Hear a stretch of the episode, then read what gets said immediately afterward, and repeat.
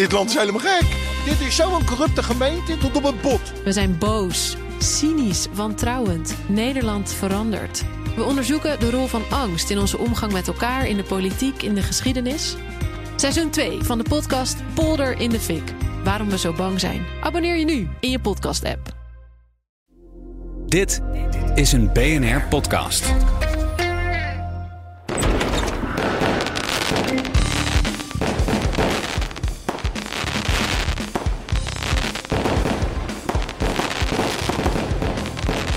Zet het vuurwerk even wat zachter hoor, Mas, want dit is wel heel heftig. Ja, dit kan ik nog niet aan. Het is wel, eh, Tijd voor een verbod.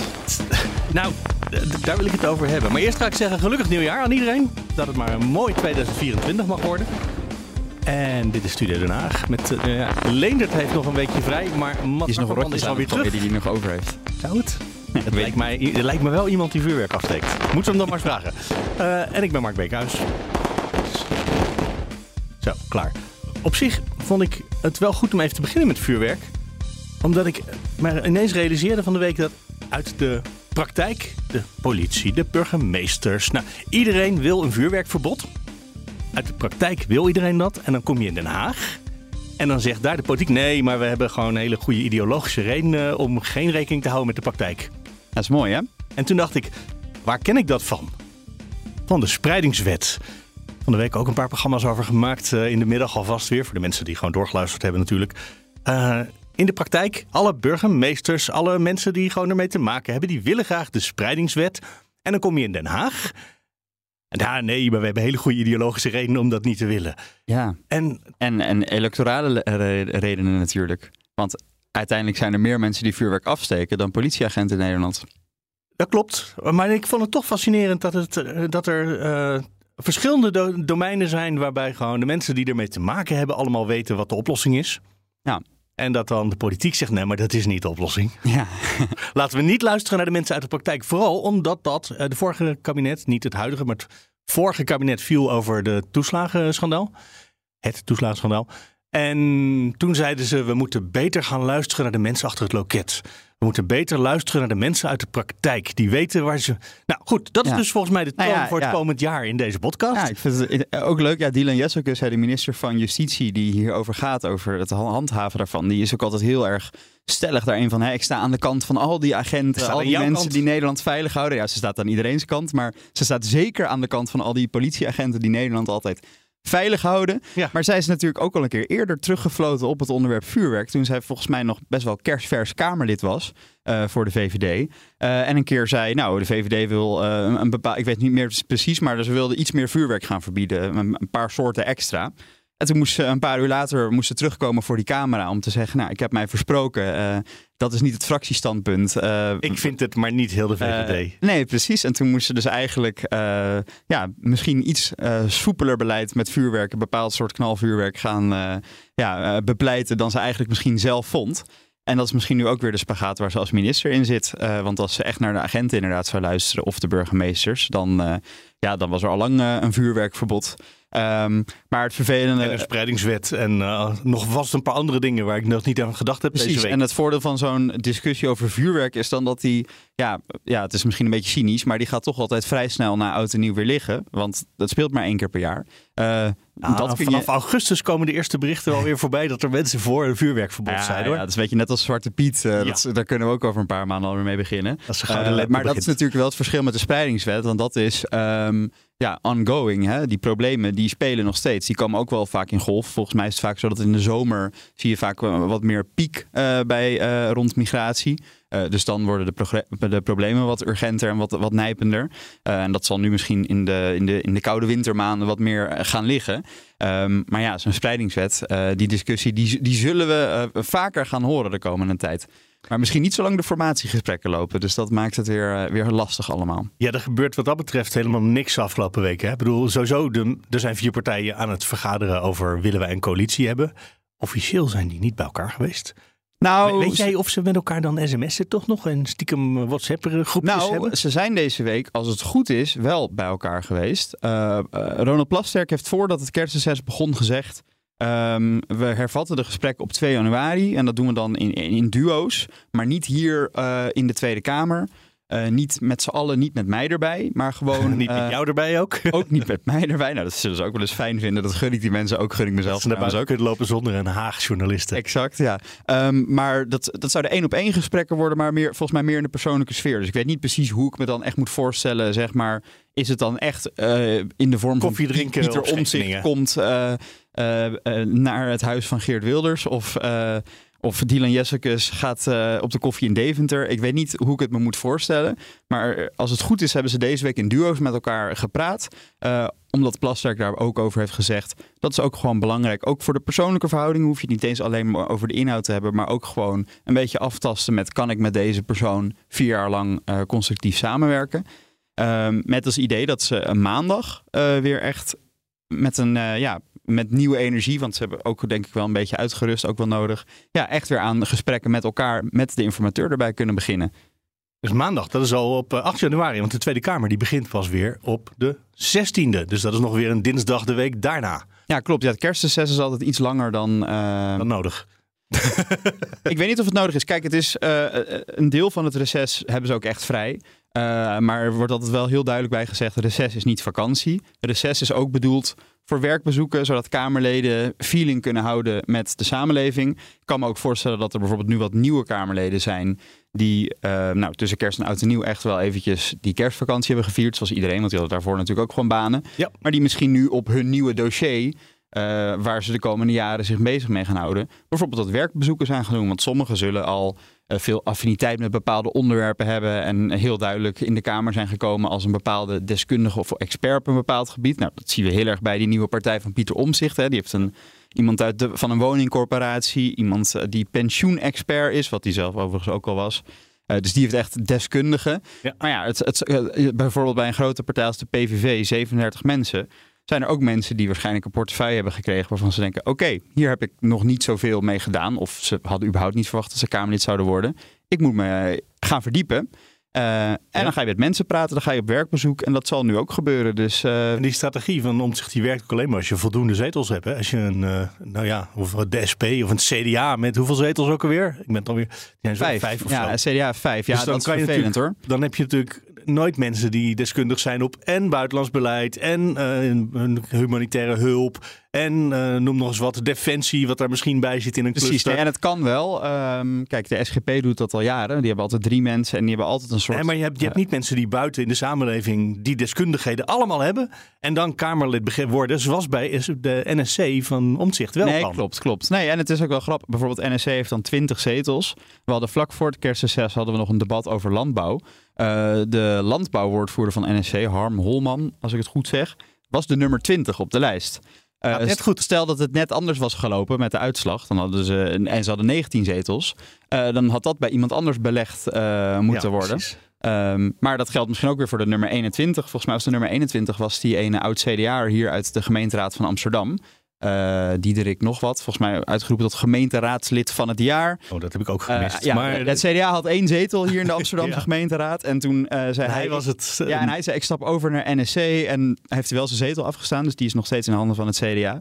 Ehm, ik weet niet precies wat zijn expertise is. Misschien gemeentepolitiek. Maar die stond op nummer 21. Dus die ja, moeten ze in, oh, ieder, in ieder geval missen. en zijn kamerzetel allebei misgelopen. Ja, nou ja, kijk, Nou ja, kamer weten we nog Nou ja, niet. kijk, stel dat NSC gaat, eh, echt gaat meedoen. Niet gaat gedogen, maar echt gaat meedoen. Het zou kunnen. Eh, we weten niet of ze het willen. Ehm, ze hebben bijvoorbeeld een nummer vier, eh, waarvan wel Casper Veldkamp, waarvan wel al is gezegd dat zou wel een goede minister van Buitenlandse Zaken kunnen zijn. Daar heeft hij genoeg ervaring voor als ambassadeur in Israël, diplomaat. Eh, ja, dan komt dat plekje al vrij. Maar ja, hij zit in ieder geval voorlopig op de reservebank. En welke expertise hij mee zou brengen in de Kamer, dat weet ik niet.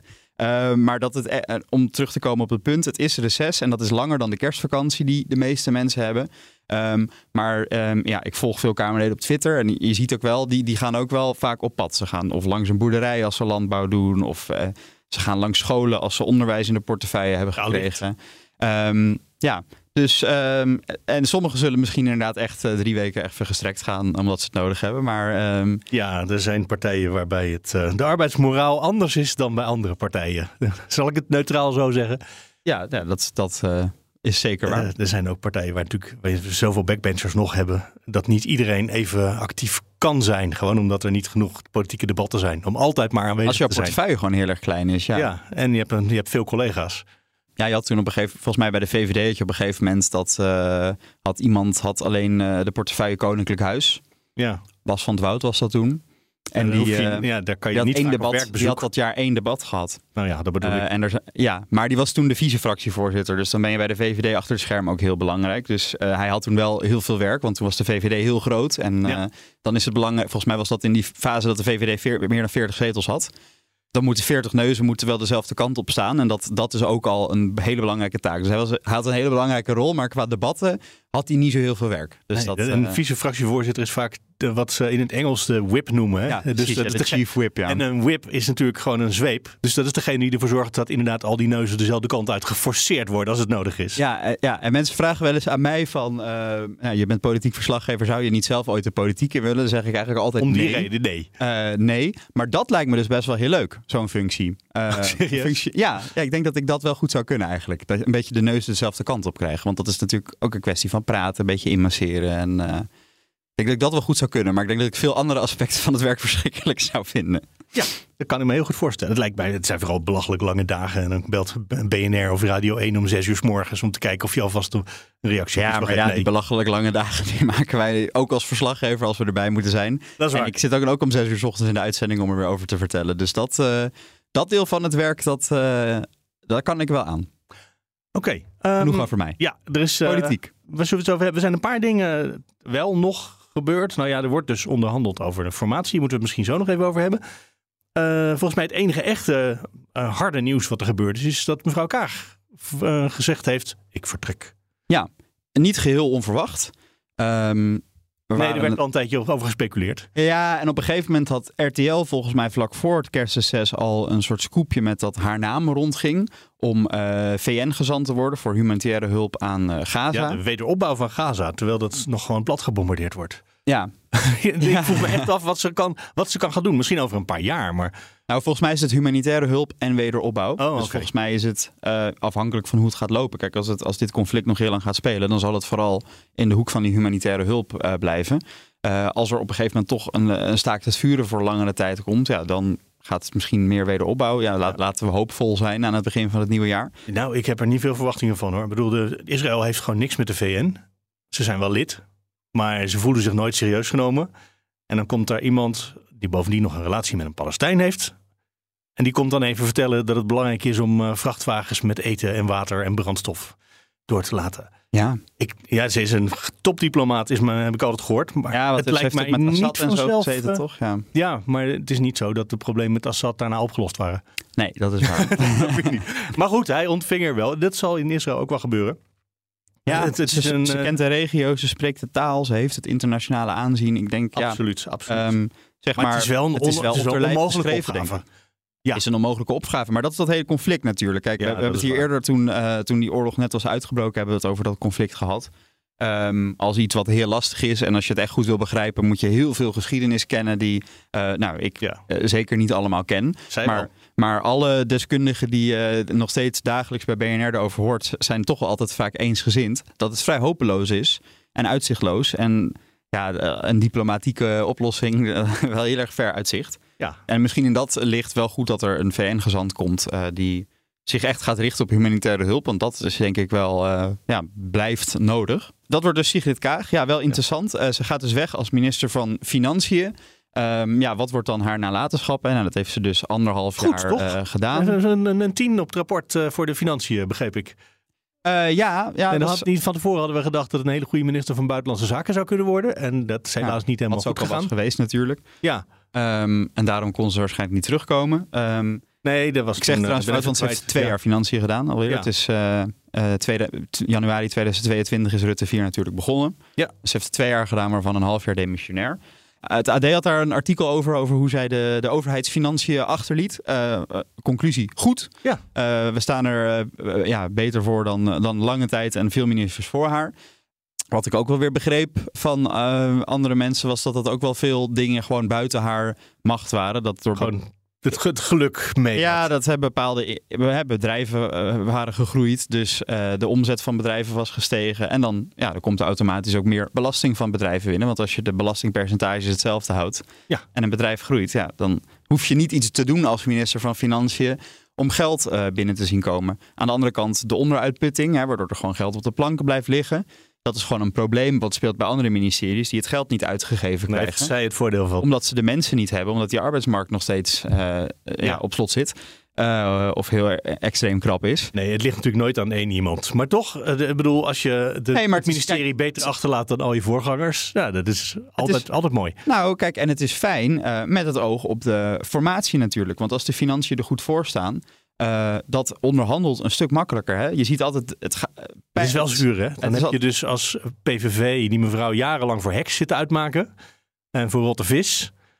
En dan vervolgens pluk je daar wel de vruchten van dat het, de overheidsfinanciën Ja, maar er dat zou wel eh, kunnen betekenen. Hè? We hebben bijvoorbeeld VVD-financiënwoordvoerder Ilko Heijnen wel eh, in het eh, laatste debat na- over de najaarsnota voor het kerstreces horen zeggen. Hè, de tijd van, hè, van het oneindig uitgeven, die is wel echt voorbij. Iets meer hand op de knip en we moeten toch weer iets meer zuinig gaan doen. Maar er zit natuurlijk wel nog weer een verschil tussen zuinig of bezuinigen. Ja, Eh, en dat is iets wat... minder groei of echt afname. Ja, en bezuinigen is, hoe je het ook went of keert, is altijd pijnlijk. Ehm, Ja. De reden dat Rutte 1 uiteindelijk is geklapt en de PVV eruit stapte, was omdat ze niet verder wilden bezuinigen. Ze zaten toen in het katshuis. ehm, Ja. En eh, de conclusie was: de financiële crisis is een stuk erger dan verwacht. Er moeten nog miljarden extra worden bezuinigd. Waar gaan we dat vandaan halen? En de PVV zei, daar gaan we niet aan meedoen. Precies. Dat is trouwens ook fascinerend voor wat er de komende maanden nog gaat gebeuren. Want natuurlijk, ze hebben best wel veel dure plannen bij de PVV. En die andere partijen die hebben vaak best wel eh, een zuinige overheidsbegroting eh, voor ogen. Ja, Dus hoe dat bij elkaar gaat Nee, komen. precies. Ja. NSC en eh, VVD zijn daar allebei heel stellig in. VVD heeft natuurlijk ook het programma laten doorrekenen. NSC heeft die kans niet gehad. Maar hebben wel al duidelijk aangegeven. Wij willen echt wel even kijken of het met de overheidsfinanciën. ehm, ja, of we daar niet te ver in gaan. Of we daar niet eh, ook nog wat in kunnen snijden. Of alles wel doelmatig is. Ehm, nou ja, zet daar een PVV tegenover die echt wel een wensenlijstje heeft. Hè. Eigen risico weer uit de zorg. Nou, het is al door de Tweede Kamer, Ja, maar waar gaan we dat AOW, in eh, godsnaam van ja. betalen? De AOW-leeftijd terughalen. Eh, BBB zal ook zo zijn wensen hebben. Dus het wordt hartstikke interessant. En in dat licht is het natuurlijk wel gewoon heel gunstig ehm, dat de financiën er beter voor staan dan verwacht. Ja. Ehm, en voor hoe lang, dat is natuurlijk ook. Je moet ook weer kijken wat de economie gaat doen komend jaar. Ehm, gaat, het weer gaat het weer een beetje aantrekken? Wordt het nog slechter? Ehm, Nou, ik hoop gewoon dat ze de grootsheid weet op te brengen. Dat ze dan mevrouw Kaag hiervoor gaan bedanken. Ik verwacht het niet van de PVV en van de NSC en van de BBB en de VVD ook niet per se. Maar eh, dat, eh, dat zou een mooi gebaar zijn. Als je dan zegt, nou we hebben jullie al die jaren voor rotte vis uitgevallen. Rotte vis komt trouwens uit een interview wat we met Henk Kamp van de week op deze zender hadden. nou ja. Eh, mooi bruggetje bedenk ik me nu. Ja. Ehm, maar wil je niet nog even over een opvolger hebben? Of is dat... ja, maar dat is een ingewikkelde constructie, toch? Ja, ja, Rob Jetten gaat, wordt waarnemer Ja, eh, en vicepremier. Nou, dat die vicepremier wordt is op zich wel logisch, want hij is nu de leider van D66. Ehm, en dat waarnemerschap is ook niet heel gek. Ik, sommige mensen zeiden, oh, dat was raar, dat hè, hij is minister van Klimaat en Energie. Ehm, op hij gaat het niet echt het werk doen. Hij laat het aan de staatssecretaris over. Nee, klopt. En dat heeft ermee te maken dat een, een minister moet altijd worden waargenomen door een minister. Dus als er een ministerie is waar twee ministers zitten, is dat makkelijk. Hè? Neem ministerie van Buitenlandse Zaken. Nou, we zagen Wopke Hoekstra na de zomer vertrekken. Toen werd minister voor Buitenlandse Handel, Liesje Schrijnemacher, die werd tijdelijk de waarnemer. Die zit al op dat ministerie. Maar op het ministerie van Financiën is maar één minister. Dus daar kan niemand dat waarnemen. Nou ja, je zou de staatssecretaris een minister kunnen maken. Maar dat ligt dan Ja, weer moeilijk als- met D66 die dan een ministerschap kwijtraakt aan het CDA. Nou ja, inderdaad. Want als je het inderdaad tijdelijk doet, dan zou je zeggen, we, we promoveren jou tot minister ehm, voor... Ja, het is toch demissionair zou ik En denken. dan moet je maar het goed. voor twee weken en dan moet je daarna weer staatssecretaris worden. Ja, je zou kunnen zeggen, we gunnen het eh, iemand anders. Hè? Ja, de regering is gevallen. Dat was helemaal niet de bedoeling. Eh, nou, CDA, doen Ja, jullie En, financiën je- maar. en dan zou je kunnen zeggen, ehm, we schrappen één staatssecretaris. We maken Marnix van Rij de minister van Financiën. We leggen nog een deel van zijn taken leggen we neer bij de andere staatssecretaris. En eh, we maken het iets soberder en eh doelmatiger. Als gekund. Maar goed, ze Ehm, hebben gekozen voor niet. Nee, en dat is, is wel dat gunnen. Dat is wel iets wat we zagen in de, de nadagen van eh, Rutte 3. toen op een gegeven moment Sigrid Kaag eh, de post Buitenlandse Zaken kreeg. Terwijl die was heel lang in de handen van de VVD. Uh, Stef Blok had die. Maar die ging naar economische zaken omdat er iemand met een burn-out uitviel. Diezelfde Bas van het Woud waar we het net over hadden trouwens. Ehm, dus toen was er een soort van uh, moment dat ze dachten, nou, we gunnen het elkaar wel. Dan krijgt D66 nu buitenlandse zaken. Later kreeg Ben Knapen die van het CDA. Ja, maar uh, in het laatste jaar gunde elkaar niemand meer wat. Uh, gunde niemand elkaar meer wat. Nee, dus D66 wil toch wel graag die post van financiën houden, lijkt het voorlopig. Um, nou, het meest logische denk ik om dan daarop te zetten is Hans Veilbrief, die ook al staatssecretaris van Financiën was, nu Groningen moet afhandelen. Uh, en misschien dat ze dan die staatssecretarisfunctie uh, laten vervallen en bijvoorbeeld het afhandelen van Groningen uh, ook bij Robjetten tijdelijk neerleggen of zo. Dat zijn pakket iets groter wordt. Dat is dan ook weer wat, wat soberder. Hm. Of ze gaan echt nog weer een nieuw persoon zoeken. Hebben ze voor de staatssecretaris van Cultuur ook gedaan, D66. Um, ja, hoe nodig is het? Kijk, aan het eind van Rutte 3 is er op een gegeven moment ook wel op een paar plekken besloten van... Nou, nou Financiën heeft wel gewoon iemand nodig, wie het ook is. Precies, nee, er moet een minister van Financiën zijn. En een staatssecretaris voor Cultuur, dat zou echt schandalig zijn als we die niet hebben. Maar daar komen we wel een paar weken zonder. Nou ja, die is er dus wel ook uh, vrij ja, snel gekomen. Maar uh, bedoel, dat, daar, daar ook zou wel je... dat je dacht van ja, hoe nodig is dit? Um, um, ja, het is heel nodig. Maar het is, als, het, als het er niet is, dan, dan gaat het leven wel door. Maar als je de financiën van de overheid niet, niet Ja. kan regelen, dan heb je wel een probleem. Ja. Maar toch wel interessant, want je zou kunnen zeggen... Marnix van Rij uitermate geschikt als Ja. minister van Financiën. Ehm, Ik denk dat, dat daar niemand is het daarover oneens dat die man dat zou kunnen. En volgens mij zijn de verhoudingen tussen D66 en het CDA hartstikke goed. Hè? Ehm, degene die het kabinet heeft laten vallen, is de VVD. Het zeer zit tussen die partijen. Hè? Het CDA verwijt de VVD veel dingen.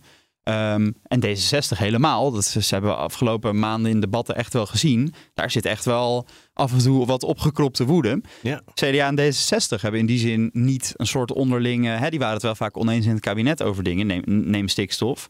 Maar daar zat volgens mij niet per se heel veel haat en nijd. Ja, misschien wat woede over het feit dat Wopke Hoekstra uiteindelijk eurocommissaris werd en niet Sigrid Kaag. Ehm, maar ik ja, zou toch zeggen misschien dat ze dat Marnix van Rij wel gunnen. Maar ze willen dus heel graag die post zelf houden. En dat, eh, ja, dat, En dat is, mag in de verhoudingen zoals ze zijn. Ja. ja, dat is ook een goed recht. Ander bruggetje, ook via Henk Kamp trouwens.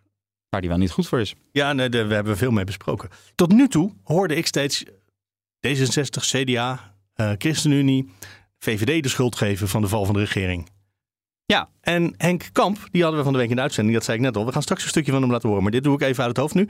Die eh, was gewoon de eerste die ik eh, ruiterlijk hoorde erkennen en het zelfs goed idee vinden. Ja, ja. eh, dat de VVD de regering heeft laten vallen. En ik vond het wel verfrissend dat Ik iemand van de VVD dat wilde zeggen.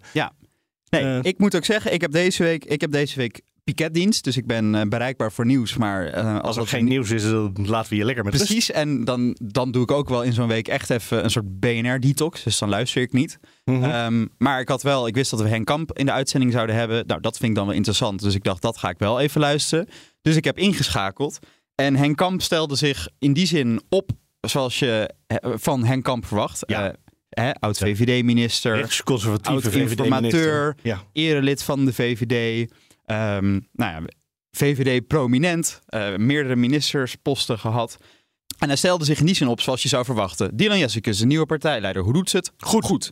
Eh, VVD heeft besloten om, eh, om dit te doen. Wat vindt u daarvan? Goed. ja. Ja. het was allemaal de lijn van de partij. Maar toen kwam eh, dus eh, op een gegeven moment inderdaad in dat interview de vraag... ehm, ja, het VVD, de VVD heeft het kabinet laten vallen op het onderwerp migratie. Wat vindt u daarvan? Als wij dat tegen VVD'ers in de Tweede Kamer zeggen, of tegen Dylan Jessicus, dan is het antwoord altijd: de VVD heeft het kabinet niet, la- niet laten We vallen. op kwamen er niet uit met z'n vieren. waren vier partijen die er op dit onderwerp met elkaar niet uitkwamen. Mark Rutte trouwens ook, die blijft stellig dat vasthouden. Maar Henk Kamp zei gewoon: ja, het is goed dat de VVD het kabinet heeft laten vallen op migratie, want Ja. dat was nodig. Want En dat vind iedereen ik wel... wil strenger migratiebeleid. En dat was niet gelukt met die partijen met wie we in het kabinet zaten. En dan is het gewoon goed dat je ja, Dat je, je stel, je, dat je je standpunt inneemt en dan zegt... nou oké, als we er niet uitkomen en wij vinden dit echt zo belangrijk... dan nemen we afscheid van jullie. Ik vond het heel verfrissend dat hij dat zei. Ik, ik ben het totaal met hem oneens. Maar, en ik, want ik denk dat het niet zo handig is geweest om de regering te laten vallen... om allerlei redenen. Maar als je, als je dit zo belangrijk vindt...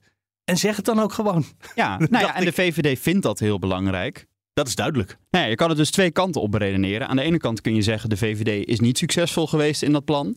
Ehm, want ze hebben door, door hun beleid eh, zijn er verkiezingen gekomen door het kabinet te laten vallen. Die hebben ze verloren. Tien zetels eraf.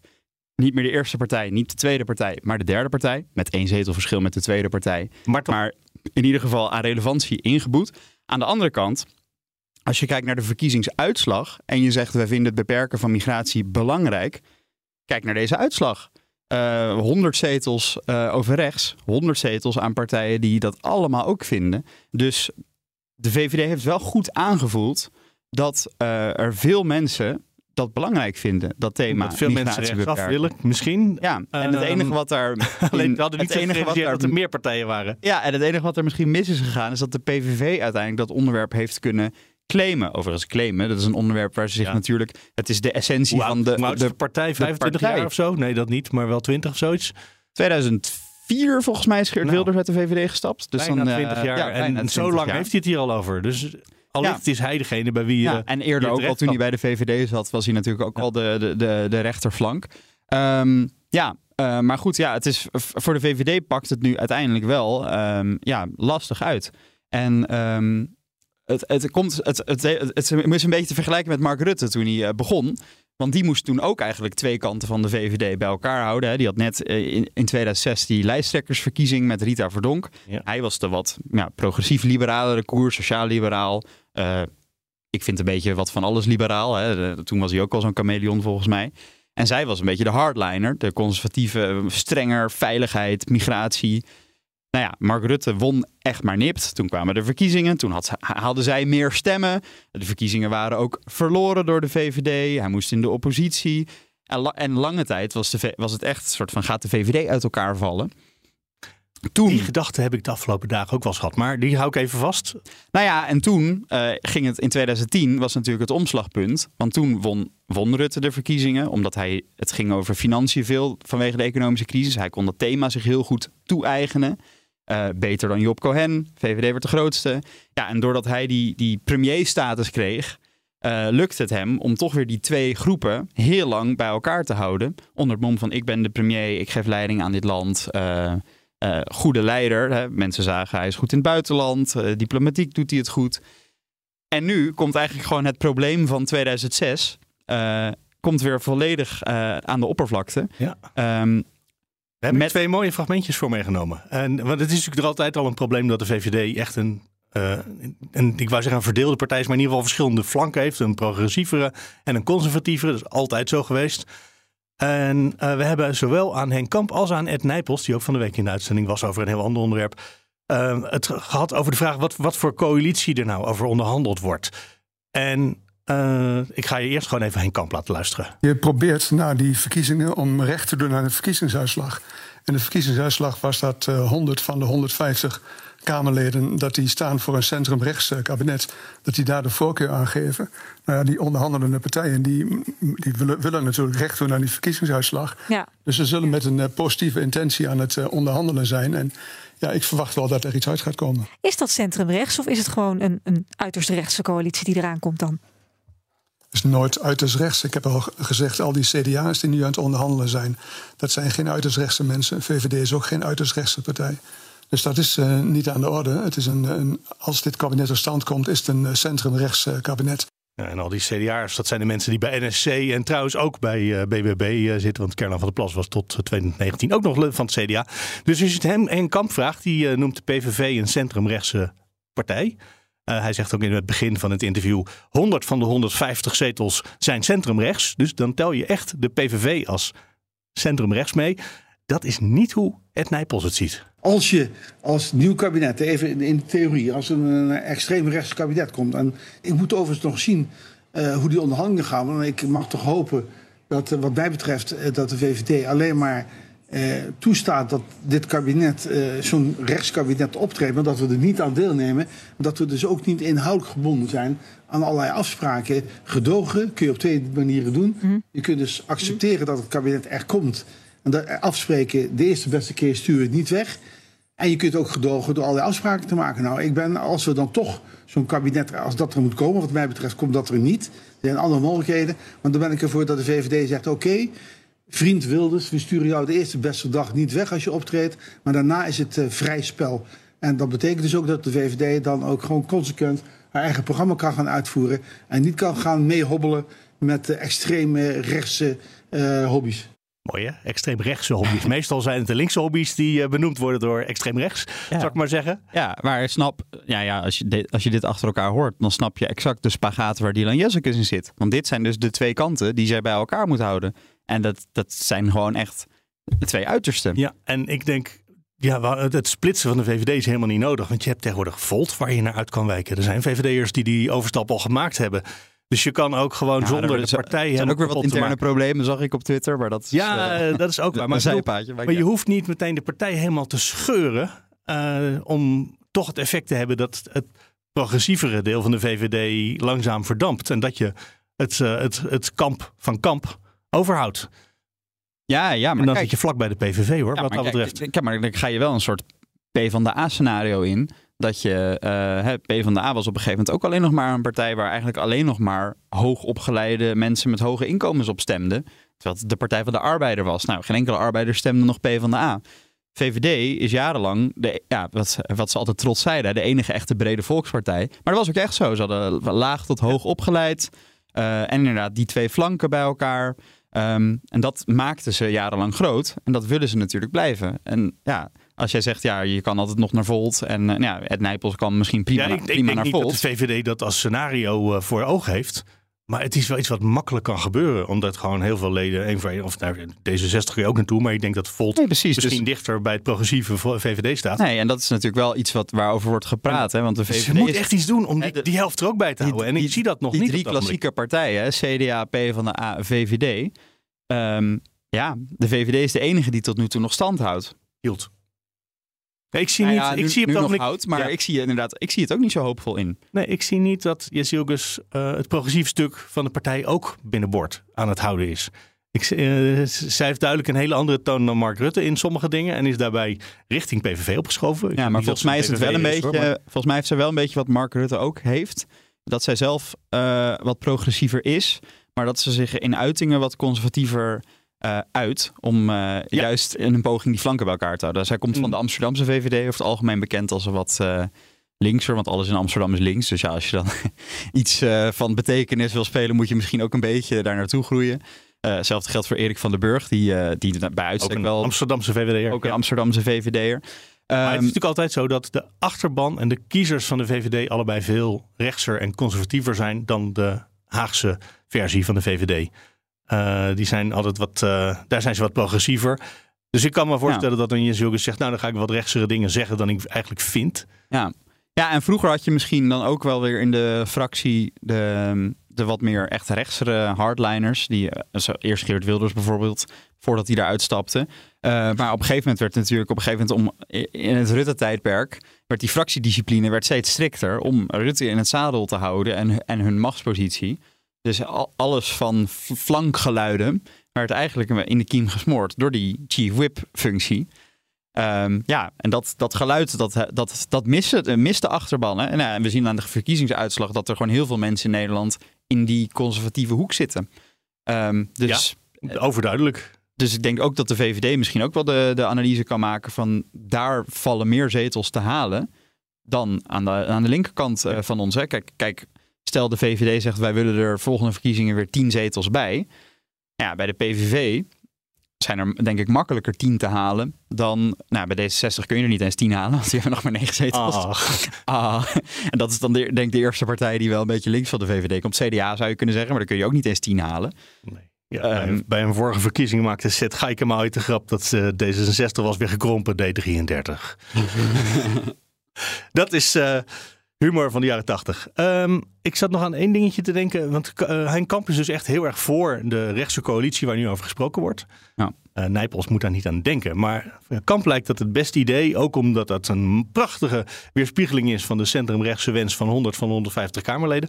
Maar hij voorziet nog wel één probleem, dat is misschien overbrugbaar, maar hij voorziet het toch. Nou, Wilders is een hele ervaren politicus. En hij zegt, ja, ik speel de eerste ene rol en dan de andere rol. Dat, dat, dat geloof ik wel. En hij kan ook allebei wel. Maar ik vind dat het toch wel erg ver uit elkaar ligt hoor.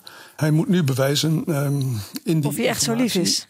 Ja, en, en dat, dat hij de partijen bij elkaar kan houden. En dat hij ook het vertrouwen van anderen kan krijgen. Van anderen die hij in het verleden voor rotte vis heeft uitgemaakt.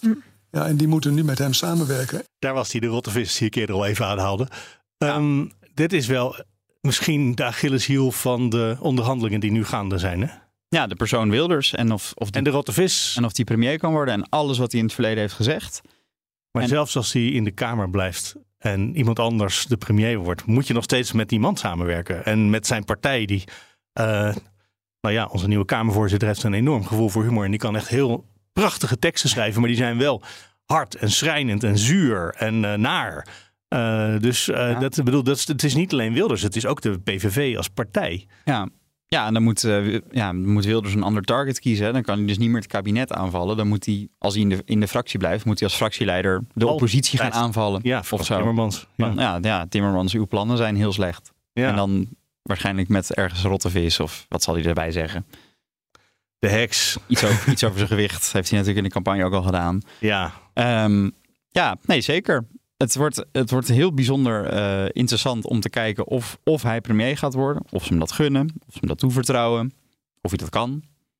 Ehm, en als hij het niet doet, wie het dan wel wordt? Wordt het dan iemand uit een van die andere partijen?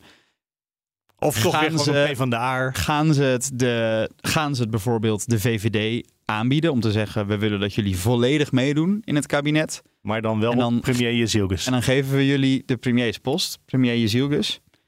Zou Ehm, kunnen?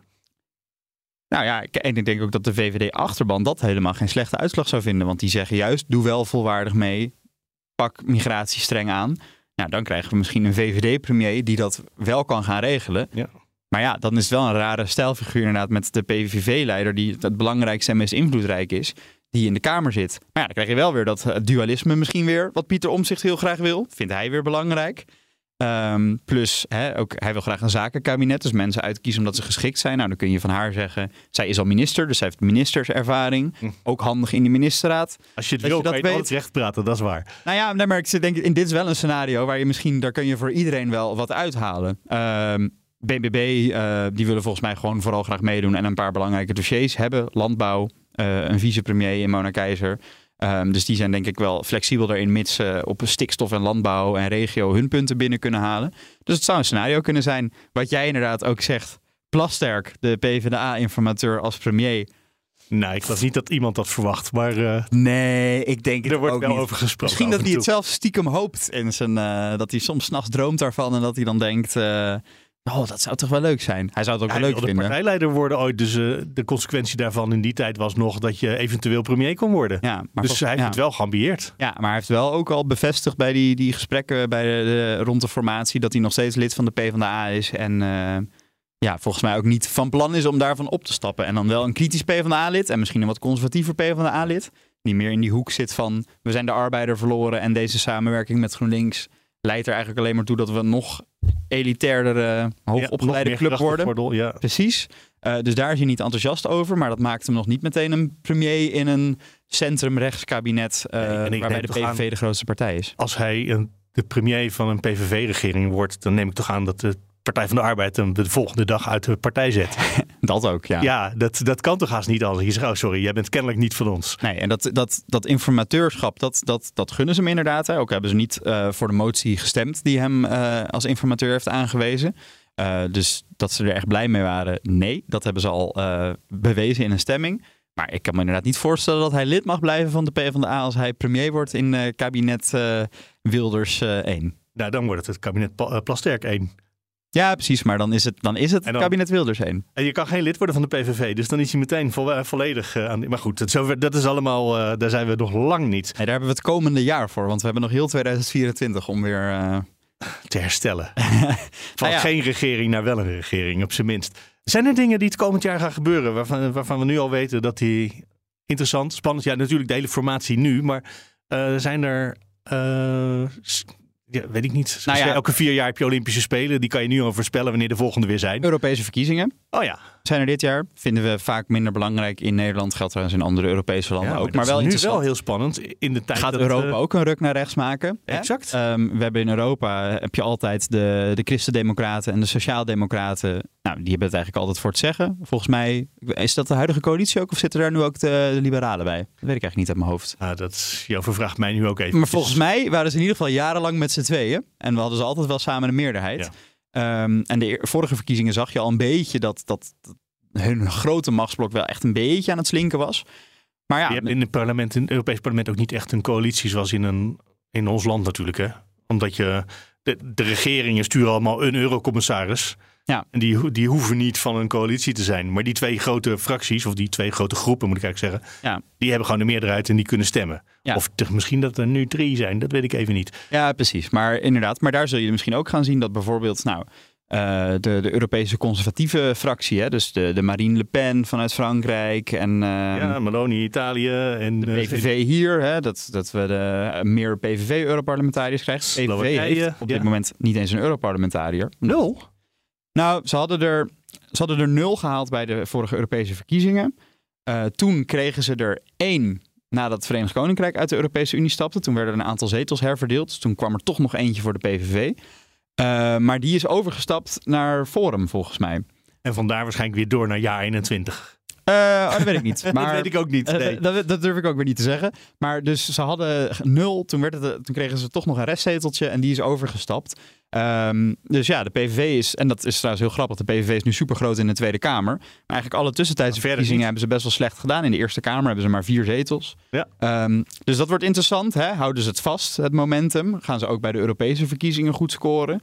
Ehm, ja, wat gaat er daar gebeuren? Gaat het CD, gaan we daar een beetje herstel zien bijvoorbeeld bij het CDA? Of gaat het CDA, want die hadden ook wel een goede uitslag.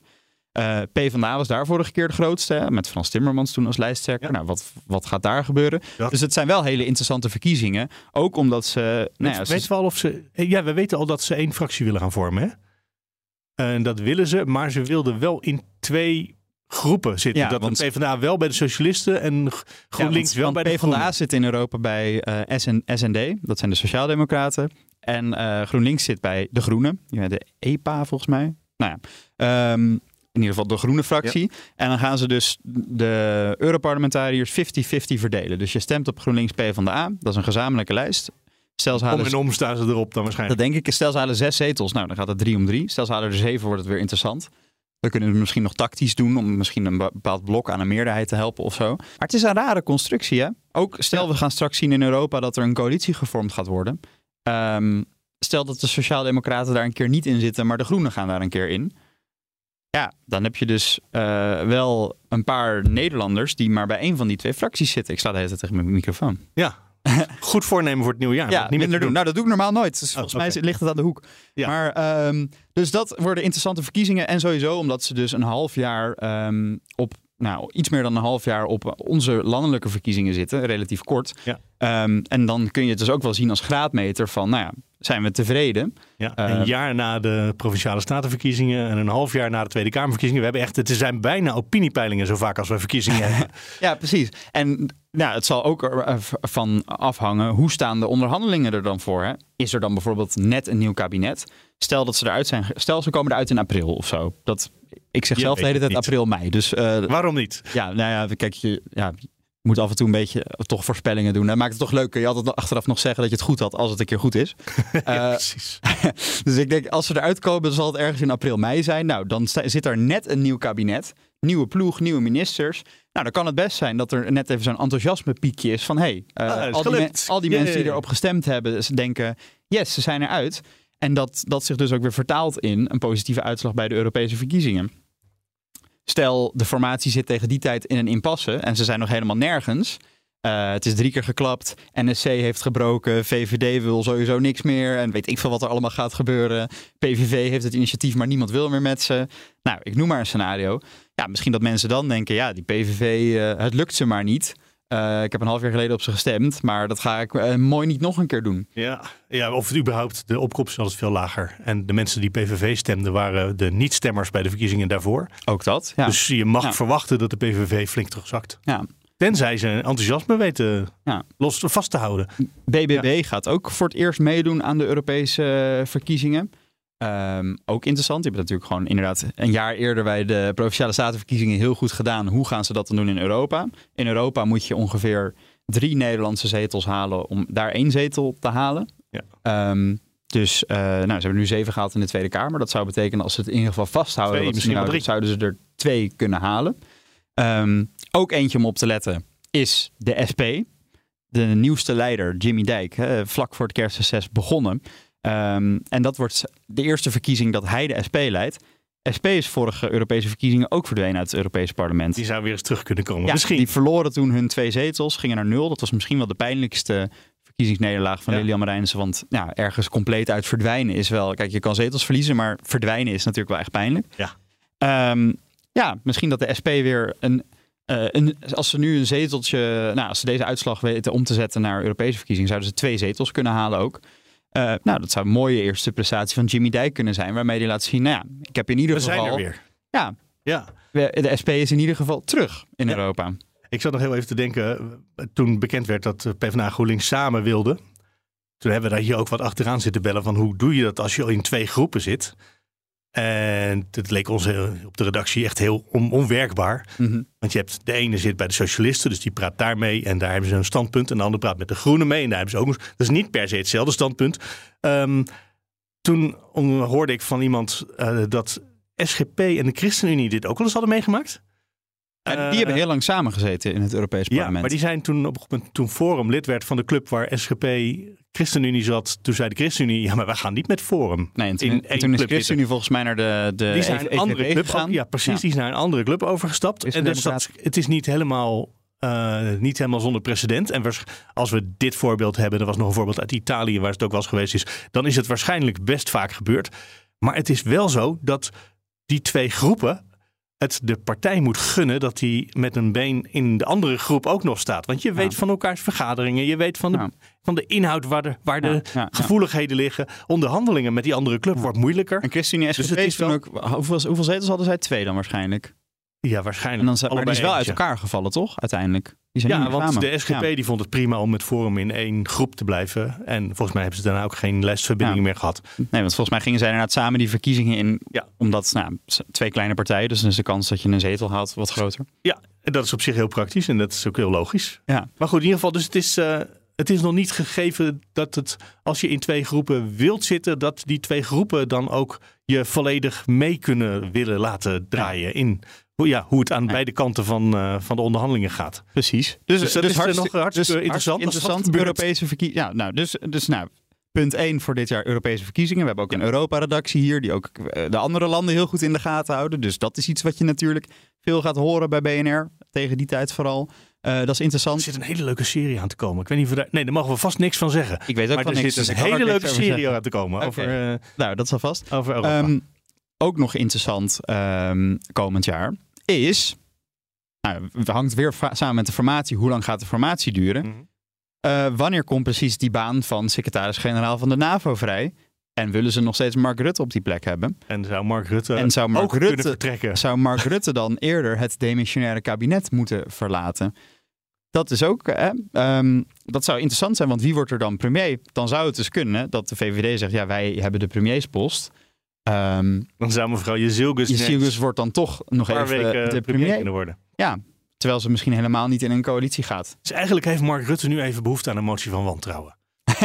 zodat hij, eh, Zodat we weten met- wat er zou gebeuren. Nou, zodat hij weg kan en naar, lekker naar de NAVO. Ja, nou ja, kijk, en hiervoor zou je nog kunnen zeggen... ehm, Probeer het praktisch te maken. Even ja, nou oplossen kijk, voor de man. Hiervoor zou je nog kunnen zeggen, dat levert discussie op. Want Sigrid Kaag is de eerste vicepremier. Ja. Waarom zou die niet premier worden? Ja, Ja, maar moet, dat is moet dezelfde reden waarom... eh, zijn. ja, precies. Maar Sigrid Kaag is weg. Of nou, 8 januari vertrekt ze officieel, dus maandag. Ja. Ehm, nou, dan, dan zou je ook nog naar de tweede vicepremier kunnen kijken.